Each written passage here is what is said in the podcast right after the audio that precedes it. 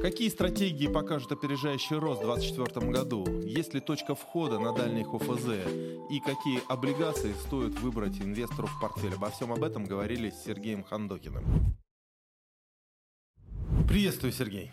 Привет, Ярослав. Ну что же, мы за этот год провели огромнейшее количество интервью, встреч, э, обсуждали огромнейшее количество стратегий, экспертов, инфлюенсеров и так далее. Однако как-то мы обошли вниманием наших инвест-консультантов. И сегодня у тебя будет замечательный день подвести итоги э, инвестиционного консультирования, управления стратегией э, в наших итогах недели.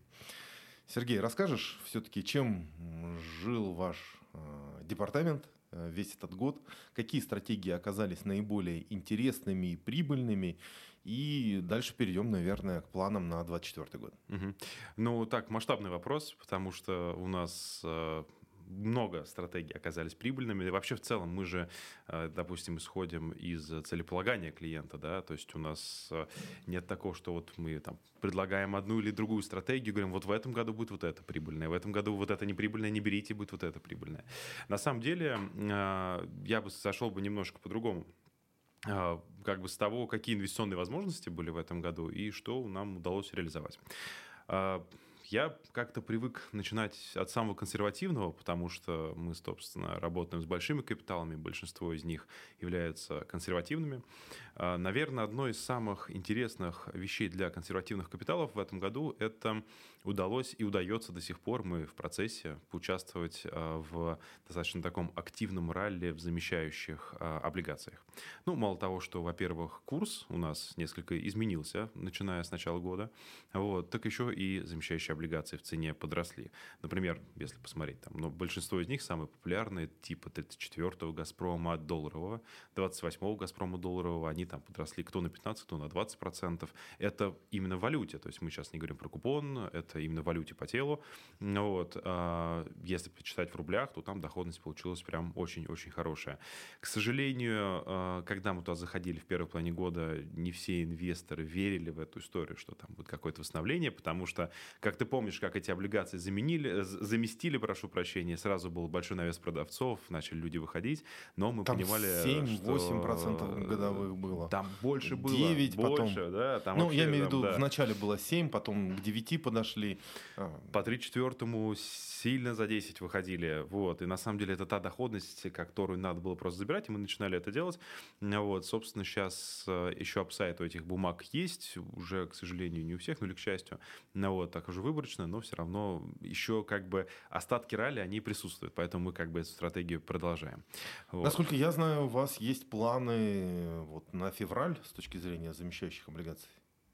Ну, здесь ты имеешь в виду планы э, по замещению? Планы того, что или... да, да, да, они будут замещаться, и угу. некоторый навес тоже будет присутствовать, э, будет возможность. Ну, сейчас в целом э, основная масса, вот, допустим, Газпромовские облигации, да, они заместились, Лукойловские облигации тоже некоторые заместились, ГМК Норникель, э, сейчас Россия будет замещаться и так далее. Действительно, э, планы есть, но, к сожалению, вопрос, знаешь, даже не в именах, которые будут замещаться, а в ликвидности, потому что сейчас, к сожалению, так повелось, что а, хорошая ликвидность присутствует в газпромовских, только в газпромских бандах, э, и то далеко не во всех, э, но даже среди этих немногих, да, мы умудряемся находить хорошие инвестиционные идеи. И вот вопрос вот в тех бумагах, в замещении которых пройдет там на февраль, март и так далее, придет ли туда капитал, да, то есть будет ли там ликвидность, или мы опять увидим там стаканы, где в продаже будет стоять большое количество лотов, а в покупке, ну, такие какие-то условные заявки небольшие.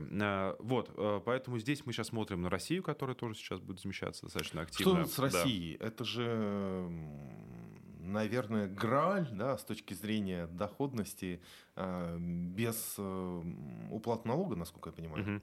Э, да, с одной точки да, с одной точки зрения да, но вопрос опять же какая какую доходность мы получим здесь, когда они заместятся. Вот, то есть как бы все будет от, от этого. Здесь пока рано говорить, посмотрим, когда произойдет фактическое замещение. То есть фактически это доходность, которая будет отражать э, риск России. Да, фактически да. Долларовый риск России без без угу. дальнейшей уплаты налогов. Ну по хорошему хорошему, на самом деле, рынок все-таки адекватный. То есть, если мы смотрим а, скажем так, международный рейтинг, который присвоен России, а он около дефолтный, вот, я напомню, Triple C сейчас, если мне память не изменяет. Соответственно, по-хорошему там доходность должна быть прям сильно, сильно большой премией к трежерям американским. Но, тем не менее, да, если посмотреть на банды «Газпрома» долларовые, там в целом доходность примерно шестая, да, там 6-6,5%. То есть премия к американским трежерям, ну, такая, ну, не условная, конечно, но совсем небольшая. Соответственно, я думаю, что у российских облигаций должна быть примерно сопоставимая доходность как раз-таки вокруг около где-то «Газпромовских» бандов. Интересно, да. Почему? Потому что, конечно же, доходности американских трежерей сейчас э, выше 4%, да, десятилетки. Да, немного, да. И в любом случае 6% доходности «Газпрома» здесь выглядит как-то очень, так скажем, Нельзя сказать, что это как, э, то, что инвестор воспринимает как это какой-то большой риск. Тем более нету корреляции с тем кредитным рейтингом, который сейчас у нас в России. Ну и мы все понимаем, почему. Как бы, да. Замечательно. Так, ну, э, по поводу замещающих облигаций мы разобрались. Что по стратегиям, что по результатам. Угу. Э, вы ведете смарт, ну, смарт-портфели угу. э, по российскому, по американскому рынку. Какие результаты э, по итогам года? Ну, мы результаты именно годовые будем подбивать на следующей неделе. В целом, мы, когда мы ежемесячно подбиваем результаты, как правило, э, в большинстве месяцев, ну, скажем, там, вот на данный момент из 10, по которым мы подбили результаты, э, 7 или 8 месяцев мы обгоняем индекс. Э, московской биржи и индекс S&P соответственно. Э, как мы это делаем? То есть здесь нету какой-то, не знаю, там, какой-то особой методологии, да, то есть у нас есть инвестиционный комитет, в рамках которого мы работаем, и мы э, стараемся придерживаться в целом примерно тех весов, которые находятся в индексе московской биржи, но с, определенной, изменения, с определенными изменениями в локации. Например, если мы считаем, что сектор условно, там, я не знаю, транспорта или, допустим, IT-сектор в какой-то момент более интересный, да, и то есть он может показать некую опережающую динамику, вот, например, сектор IT в индексе московской биржи 2,5%. Казалось бы, да, вроде столько компаний классных, а он всего лишь 2,5%. Мы, соответственно, в своем Сколько портфеле... там компаний классных? Нет, ну, имеется в виду, что они все известные, там, как Озон, ВКонтакте, Яндекс, Positive Technologies и так далее. Вот, и они составляют всего лишь 20, чуть больше 2%. Мы, соответственно, можем их закупить там на 5% или на 7%, тем самым показать более опережающую динамику. Какие-то сектора мы можем проигнорировать, да, какие-то сектора можем примерно Кого вы игнорировали долей. в 2023 году? Ну, знаешь, мы а, старались э, на каких-то этапах игнорировать электроэнергетику, на каких-то этапах э, старались не сильно вдаваться в застройщиков, да, потому что сейчас ставки высокие, у нас сейчас доля застройщиков прям мизерная-мизерная, возможно, мы даже на каком-то отстойке, у нас пик мы сейчас там держали. Я знаю, чья идея пика. Я знаю, твой друг и частый гость. вот, он очень любит эту компанию, именно он инициатор этой компании, но на самом деле в ней действительно есть там своя инвестиционная идея, вот, э, какие-то сектора, да, на каких-то компаниях, секторах мы, наоборот, делали акцент, да, то есть мы в свое время э, на нефтегазовом секторе и на финансовом секторе у нас вообще это там была большая часть портфеля, ну, собственно, как и в индексе, но все равно мы там немножко больше процент добирали. Вот, вот таким вот образом. Э, поэтому в целом... Насколько погода... вы обгоняете индекс? Ну, допустим так, когда я смотрел индекс рост там порядка там, 40%, у нас на этот момент получалось процентов 46-47, вот так вот приблизительно. Вот. Э, опять же, финальную статистику мы подбивать, но я думаю, что результаты будут хорошие достаточно. А по S&P? О, по S&P сейчас э, волатильная динамика, да, то есть ты видел, да, за последнее время, что произошло, ну, мы понимаем, да, Джером Пауэлл там вот так это достаточно неплохо прокомментировал ситуацию с э, денежно-кредитной политикой, ну, вот, индекс э, отрос, поэтому тоже подобьем, там, как правило, при росте 20% у нас получается, ну, 23, 24, 25 примерно, вот такое опережение. Э, казалось бы, да, вроде бы немного, но на самом деле, если мы приверженцы долгосрочного подхода инвестирования, да, то есть если это наложить на кривую там трех или там пяти лет, премия получается хорошая к индексу. Да. Так, ну что же, э, это что касается смарт-индексов, э, но у вас на Comon е, да, Invest Lab, соответственно, там сотня стратегий присутствует. А, какие стратегии показали лучший рост? Какая, так скажем, какой подход был наиболее эффективен в 2023 году? А, ну, вообще, скажем так, в этом году был такой год э, не уникальный в плане динамики стратегии, потому что лучший рост показали самые агрессивные спекулятивные стратегии на срочном рынке. Причина очень простая. Это высокая волатильность курса и вообще как бы вот, тот процесс, когда курс переставили да, там, с 60 рублей там, в сторону там, 100, там, да, сначала сейчас 91, а, вот именно вот это повлекло такую мощную динамику в таких, таких стратегиях, как синергия, пилигрим, достаточно агрессивная.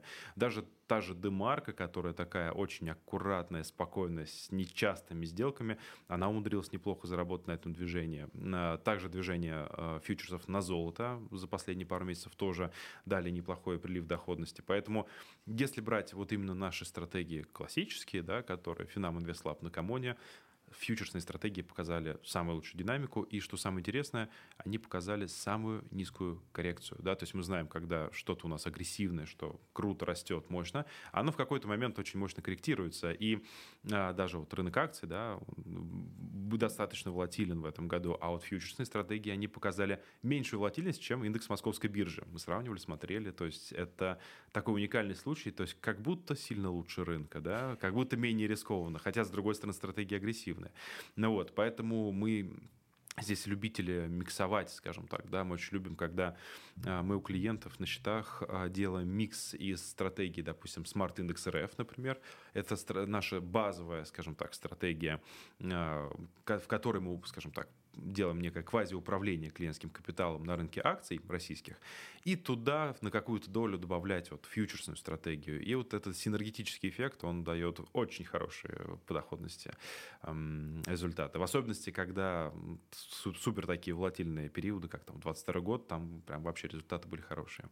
У меня, кстати, случай был тогда, э, когда вот все это началось в 22 году, э, у нас некоторые портфели у клиентов э, на периоде с февраля по апрель показали плюс доходность из-за вот этого вот, скажем так, соединения фьючерсных стратегий, потому что у нас фьючерсы стали все в лонг там на пару долларов рубль, вот, э, доля акций мы резко срезали, э, и, собственно, клиенты очень обрадовались очень сильно и понесли деньги на депозиты.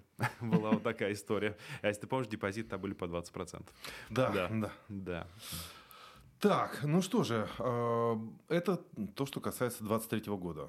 Э, что еще тебе запомнилось вот из э, таких выдающихся моментов? Слушай, выдающихся моментов было много, на самом деле, да, то есть мы зарабатывали, продолжаем зарабатывать с нашими клиентами на сложных арбитражных сделках между Московской биржей и Чикагской биржей, на, на таких фьючерсных контрактах, как газ, нефть, индекс S&P, золото, серебро и прочее. Это такая, ну, отдельный пласт достаточно крупных клиентов, э, которые, скажем так, умеют дисциплинированно следовать частым инвестиционным рекомендациям консультанта. А, и здесь доходности, ну, прям были очень хорошие. Мы, скажем, в среднем за месяц у нас получалось ну, от 1 до 7%, я сказал бы так, но если в среднем посмотреть, примерно 3-3,5%, и это причем без рыночного риска, да, то есть там результаты просто отличные. Вот. Э, это первое, чем запомнилось. Ну, собственно, мы эту историю продолжаем. Второе, чем запомнился и продолжает запоминаться, это история с АДР. Это очень шумная тема. Вот, соответственно, мы все знаем, что как бы первый кейс такой успешный это ВКонтакте. Возможно, там ЕМЦ скоро последует, примеру Тиньков и, и же с ними. Но вот, эта история, мне кажется, только начинает разгораться, но дисконты, к сожалению, уже очень маленькие. То есть мы сейчас смотрим другие расписки в Евроклире. Там продают уже по высоким ценам, понимая, что скажем, риск в этой истории все меньше, меньше и меньше. Ну, вот, Подожди, да. ну при этом присутствует навес э, в бумагах на Мосбирже. Я да. даже вот, насколько знаю, там Сбер, по-моему, выделяет э, шорт по таким бумагам э, в стратегии на 24 год. Ну, типа ты имеешь в виду а Тинькофф, там, да, вот, вот такие бумаги. Да. Э, ты знаешь, я не уверен, что это м- прям стратегическое решение 2024 года шорт таких бумаг, как Тиньков. Мне кажется, как раз-таки э, вот таких шортистов может очень сильно наказать, если компания переедет, э, скажем так, держатели расписок, они там, те, кто именно спекулятивно хотели их продать, продадут за день-два, потому что в Тинькове очень хорошая ликвидность, все очень быстро смогут это продать.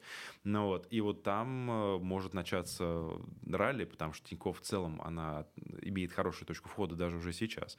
Вот, уже бизнес у них не достаточно знаю, крепкий. Знаю, но... но это, я говорю, по разным мнениям, да, мы сейчас присматриваемся к тому, чтобы на горизонте, ну, возможно, квартала, где-то еще, может быть, добавить Тиньков в наш смарт-индекс. Вот, эм, скажем так, это первый момент. Поэтому, если я понимаю, допустим, что-то у нас фундаментально менялось э, допустим, с нефтегазовым сектором, и там есть много компаний, которые неплохую динамику показали, и вот там шортить от тех уровней технически, возможно, было оправдано. Но шортить Тиньков, который на самом деле как бизнес себя чувствует неплохо, мягко говоря, да, в текущей ситуации. Вообще банковский сектор себя чувствует хорошо. Я не уверен, что это стратегически хорошая идея. Ну, у коллег из Сбербанка, возможно, свое мнение на этот счет. А что у вас по 2024 году?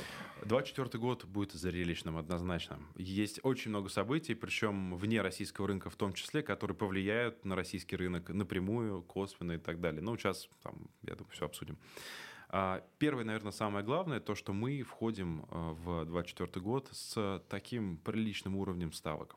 А, и сейчас, на самом деле, рынок очень устойчивый, да, то есть я вот смотрю, э, в целом, если была бы обычная ситуация, ну, грубо говоря, то есть не было какого-то инвестиционного вакуума, если у людей там был бы доступ на многие зарубежные рынки, я думаю, индекс Мосбиржи был бы пониже. Но учитывая, что у нас сейчас, в принципе, выбор там, инвестиций он небольшой, а, то индекс Московской биржи держится, то есть мы видим, в таком уже по сути, с конца июля находится в боковом движении, вот примерно там 3050-3280, вот такие уровни. А, я думаю, что какое-то время мы будем продолжаться, потому что высокие ставки, они, конечно, не добавляют привлекательности рынку по некоторым причинам. Первое – это дивидендная доходность. Все-таки, если посмотреть, да, у нас по основным компаниям, мы не берем там Сургут, да, но если там взять Сбер, там Роснефть, там Новотек, это плюс-минус 10-13 там, процентов. Собственно, по ОФЗ доходность сейчас как минимум такая же. Вот. Есть другие там, корпоративные облигации, по которым доходность чуть выше, там 14,5-15% можно взять нормальный корпоративный долг, но здесь нету какого-то потенциала роста по телу, все-таки как бы на фондовом рынке он присутствует. И вот здесь может быть какой-то переломный момент, если Центральный банк продолжит поднимать ключевую ставку, да, то есть мы сейчас 16%, рынок такой, Окей, 16%, ладно, хорошо, пока не падаем, просто стоим. А, будет 17%, ну окей, ладно, 17%. А вот если будет там 20%, возможно, уже будет не окей. Э, вот, тогда ОФЗ могут давать 17-ю доходность, и вот рынок акций На этой неделе Банк Турции повысил ключевую ставку с 40 до 42,5%. Да-да-да, развлеков в мире много, Турция, Аргентина, там все это понятно. И вот в такой реалии живут, да, да, да, есть такое. А, ну, Турции, собственно, давно пора этим заняться. вот. Ну, у них э, э, президентские выборы уже прошли э, в да. этом году, поэтому они теперь могут повышать ключевую ставку до Сколько бесконечности. Хотите, да. А да. мы, да, мы только... Мы в начале пути, но, кстати, я не думаю, что... Ну, я здесь... не думаю, что в начале пути это... Не, в начале пути я имел в виду урегулирование проблем с инфляцией, не поднятие ставок. Я, наоборот, я надеюсь, что в целом как раз-таки... Ну, не то, чтобы ставки у нас high for да, но, скорее всего, не high, но for Вот, потому что я уверен, что мы, скорее всего, не увидим в первой половине следующего года понижение ставки. Вот, я немножко, наверное, удивлюсь, если будет понижать ставку во второй половине 2024 года, но, скорее всего, все-таки в 2024 году ставки будут высокие. Из твоих слов я так понимаю, что точка входа э, в дальние облиги еще не э, присутствует. Э, ты знаешь, здесь, э, скажем так, мне не понравилась немножко риторика Набиульной, которая как бы намекнула, что мы сейчас находимся около пика поднятия ставок. И мне очень нравится, э, всегда нравилась риторика Джерома Паула, который от заседания к заседанию, от э, конференции к конференции всегда четко говорил, что мы не знаем, какая будет инфляция в следующем месяце. Мы не знаем, какая статистика по рынку труда будет в следующем месяце. Мы живем от статистики до статистики. И в зависимости от этого мы будем принимать как В Великобритании резко замедляется решения. инфляция, и есть есть достаточно большие предпосылки, что и в США, и в Великобритании, в какой-то момент, видимо, и в Евросоюзе инфляция все-таки а, будет а, побеждена. Э, да, да, да, да. Я, я к тому, что а, вот сейчас сказать, что мы прогнозируем что на данный момент находимся на пике ставок, вот э, у нас язык пока не поворачивается, потому что мы так же, как и Джером Паул, но на примере российского рынка мы живем от статистики к статистике. Как мы увидим хоть какой-то тренд на замедление инфляции, ну такой, знаешь, не месяц-месяц, а прям, чтобы хотя бы месяца три был, тогда, наверное, можно попробовать предположить, и при этом курс желательно, чтобы он не слаб там, да, оголтело. Ну вот, можно предположить, что переложить часть облигаций в более дальний, там, например, там, с погашением в 28-м, там, 30-м году каких-нибудь надежных эмитентов, например. Ну, вот. 40-й год. Ну, 40-й, да, да, да. Вот, вариантов много. Ну, а, кстати, вот если посмотреть, там, э, сколько было, там, 60, 62 э, нет, 66 от номинала, сейчас там стали 68 от номинала. Э, дисконты большие, да, но, скажем так, эм, Понятно, кто раньше, того и тапки. Вот, в любом случае, да, то есть кто-то будет покупать с дисконтом 40%, кто-то будет потом с дисконтом 25% покупать. Здесь вопрос в том, да, чем раньше мы покупаем, тем больше риск мы берем. Э, можно попробовать рискнуть и сейчас. И если вдруг этот э, человек окажется прав, и мы сейчас на пике поднятия ставок, он заберет весь, там, возможно, всю возможную прибыль. Вот, но я бы так сейчас не делал. Отлично. Это, да, первый момент, да, это мы входим с высокими ставками, это супер важно. У нас следующее заседание будет в середине февраля. А, потом, соответственно, у нас будут выборы в президенты. А, и есть такая теория, но она такая, скажем так, э, немножко из теории заговоров, да, что пройдут выборы в президенты, и курс отпустят. Вот, э, скажем так, мы не верим в эту историю. То есть мы все-таки считаем, что на курс это такая сейчас фундаментальная важная вещь для Центрального банка, э, что в целом задача у Центрального банка все-таки стоит расправиться с инфляцией.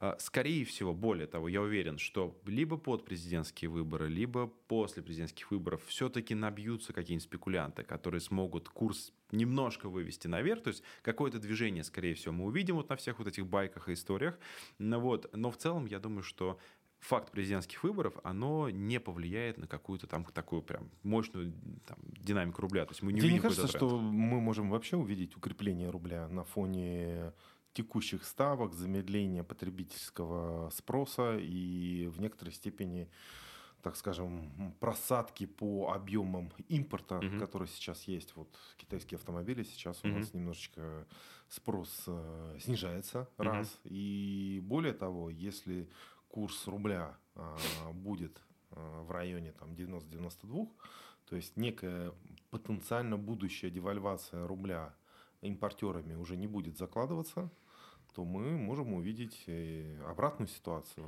Курс начнет укрепляться.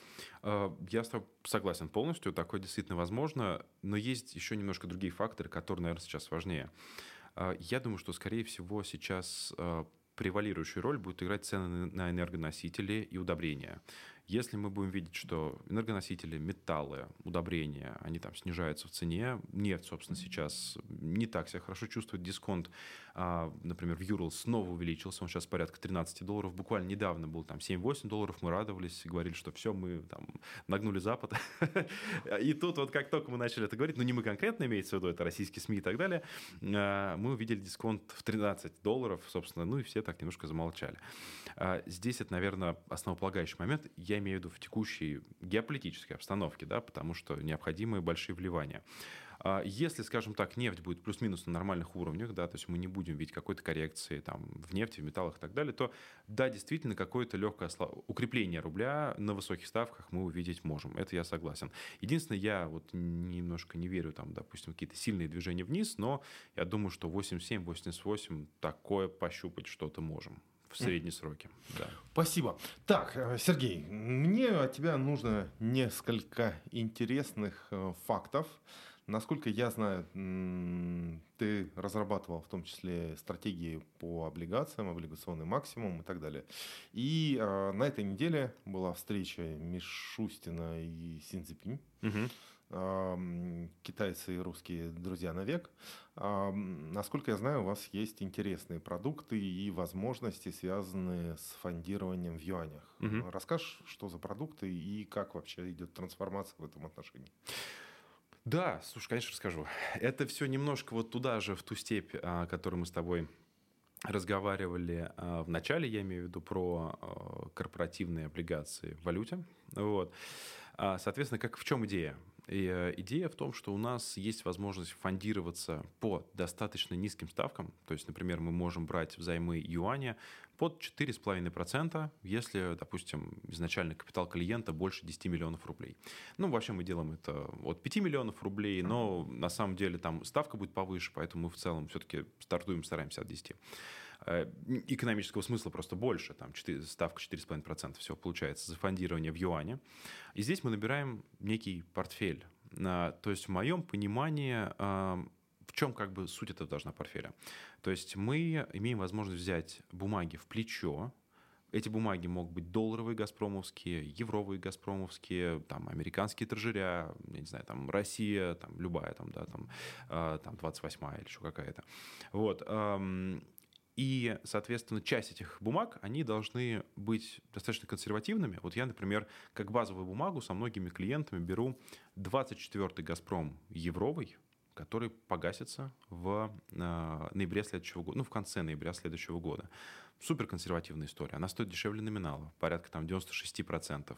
Было еще не так давно 94,5 мы с клиентами брали, вообще супер было. Вот. Но сейчас уже повыше, понятное дело, все подрастают. И мы знаем, что он погасится по 100%. Подожди, ну да. вот получается, ты фондируешься э, на плечо угу. в юане 4,5. Да.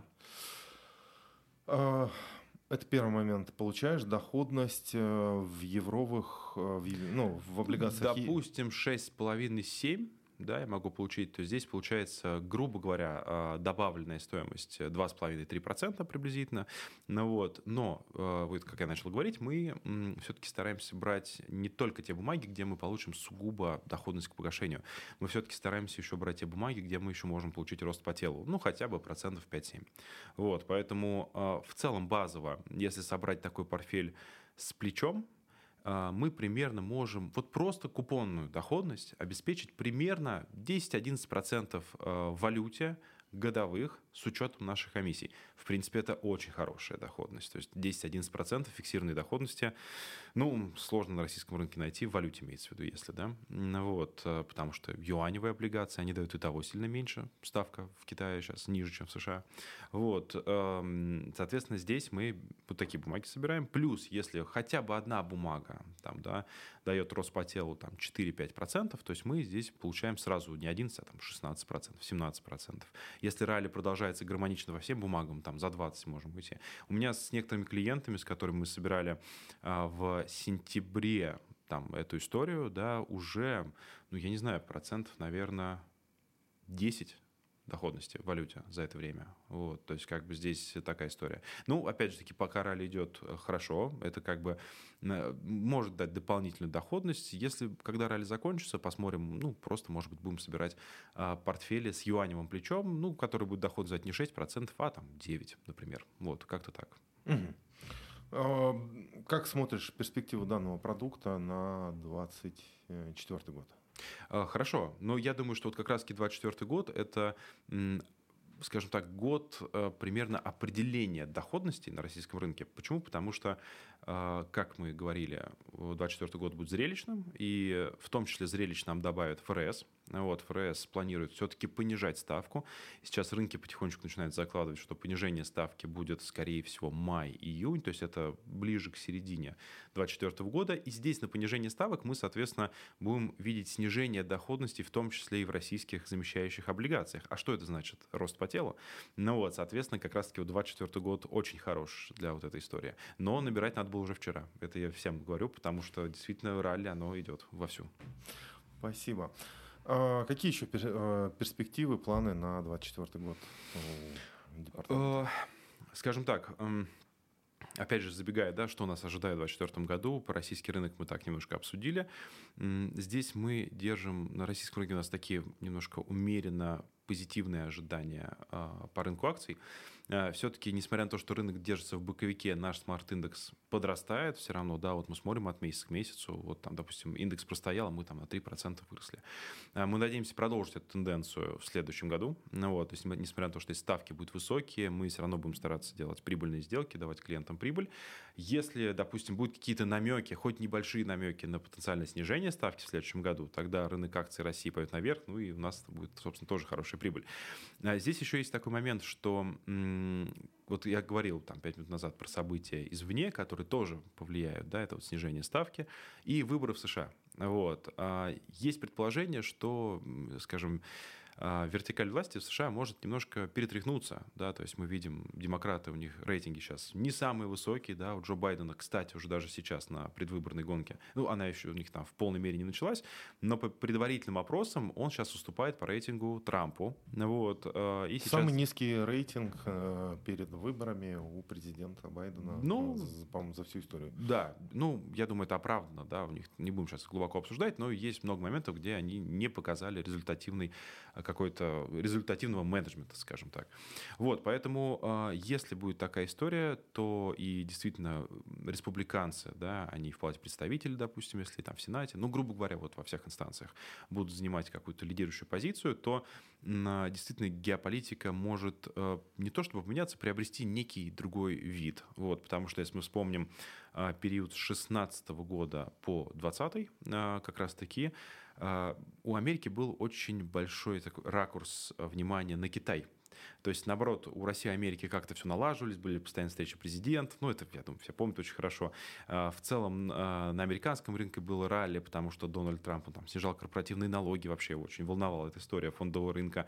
Ну, вот. А, и, соответственно, они начали там торговую войну с Китаем. На самом деле она продолжается, она просто на паузе некоторые, да. Ну, вот. Я думаю, что США, ой, США, да, они, соответственно, немножечко туда, на Дальний Восток могут сместить свой ракурс. И для России как бы вот это бы не банально банально звучало бы, да, и, может быть, и не совсем где-то э, тактично, вот, но геополитика может перейти в такой, э, как бы, в таком направлении, что будет некое смягчение обстановки, скажем так, да, то есть э, и действительно конфликт может потихонечку сойти на нет, и это действительно может быть так. Многие начинают говорить, что вот э, Трамп даже сам говорил, я приду и как бы закончу эти все вопросы за один день он, конечно, утрирует очень сильно, он как бы мастер утрирования, вот, но на самом деле, действительно, я думаю, что Здесь могут быть какие-то договоренности, мы можем увидеть какой-то позитивный исход. Вот, поэтому здесь, э, в том числе и в этом, 24 год может быть примечательный к сожалению, как бы, или к счастью, я не знаю, выборы, они у них только в ноябре, инаугурация, там, как правило, в январе 2025 года, но все равно рынок уже что-то может закладывать, да, какие-то ожидания. Вот. А если, допустим, будет закладывать победу республиканцев на выборах и какое-то, скажем так, а, урегулирование конфликта, который сейчас происходит, а, то в таком случае мы можем увидеть ралли на рынке. Почему бы нет? То есть именно на ожиданиях вот этой истории. Вот такое тоже возможно.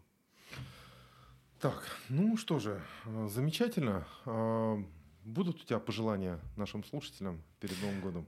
Пожелания самые простые. Вот, на самом деле всем э, мы, мы, да, мы инвестиционные консультанты, но мы люди, вот, поэтому всем любви, тепла, здоровья э, это самое главное. Вот, все остальное приложится. Поэтому всех с наступающим, всем всего самого лучшего. Спасибо, пожелаем вам успехов и в реализации ваших планов. Ярослав, тебе тоже спасибо.